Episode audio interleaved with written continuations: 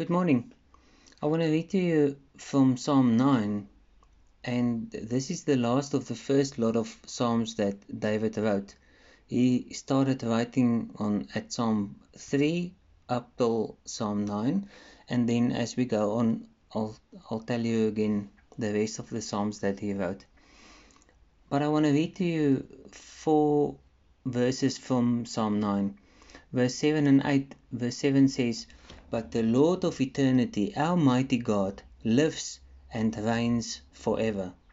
He sits enthroned as king, ready to render his verdicts and judge all with righteousness. Listen to this carefully and judge all with righteousness. Verse 8 He will issue his decrees of judgment, deciding what is right for the entire world, dispensing justice to all.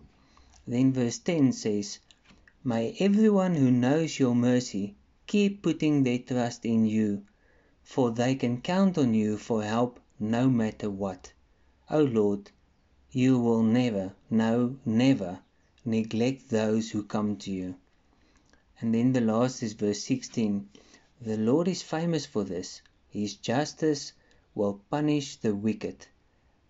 While they are digging a pit for others, they are actually setting the terms for their own judgment. They will fall into their own pit.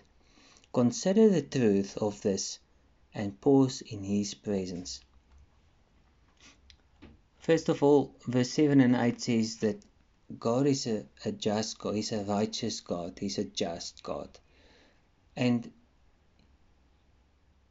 he dis- He's dispensing justice for all. So He hasn't got favorites. You do right or you do wrong. There's not a grey area.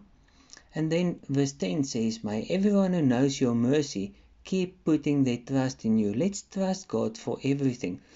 I'm thinking about I'm thinking about this cynical story now on on the news lately where a young boy was killed horrifically and everybody that's taking up arms and and and putting plans together and checking how many firearms they've got in their safes and and uh, lots of stories lots of things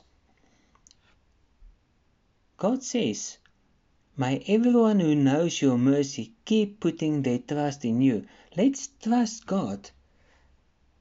And then verse 16 says that while they are digging a pit for others, they actually setting the they are actually setting the terms for their own judgment. They will fall into their own pit.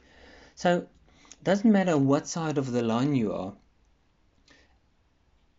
Us as, as Christians, are supposed to be on the line because we trust God completely and utterly for justice. He will he will protect us. There will be justice for all because God is a God of just. He's a just God. So let's let's trust him with this and let's continue to seek him with all our hearts and all our thoughts and all our lives with our whole being. Let's seek Him. He wants us to seek Him, and, and if you seek Him, you will find Him.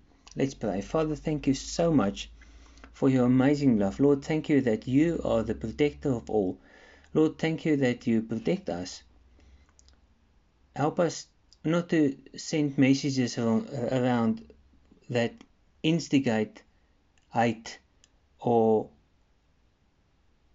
uproar or terrorism or whatever. Help us to focus on you completely so that you are our Savior. You are the, the one that's, that's protecting us. I pray it in Jesus' name. Amen. Shalom.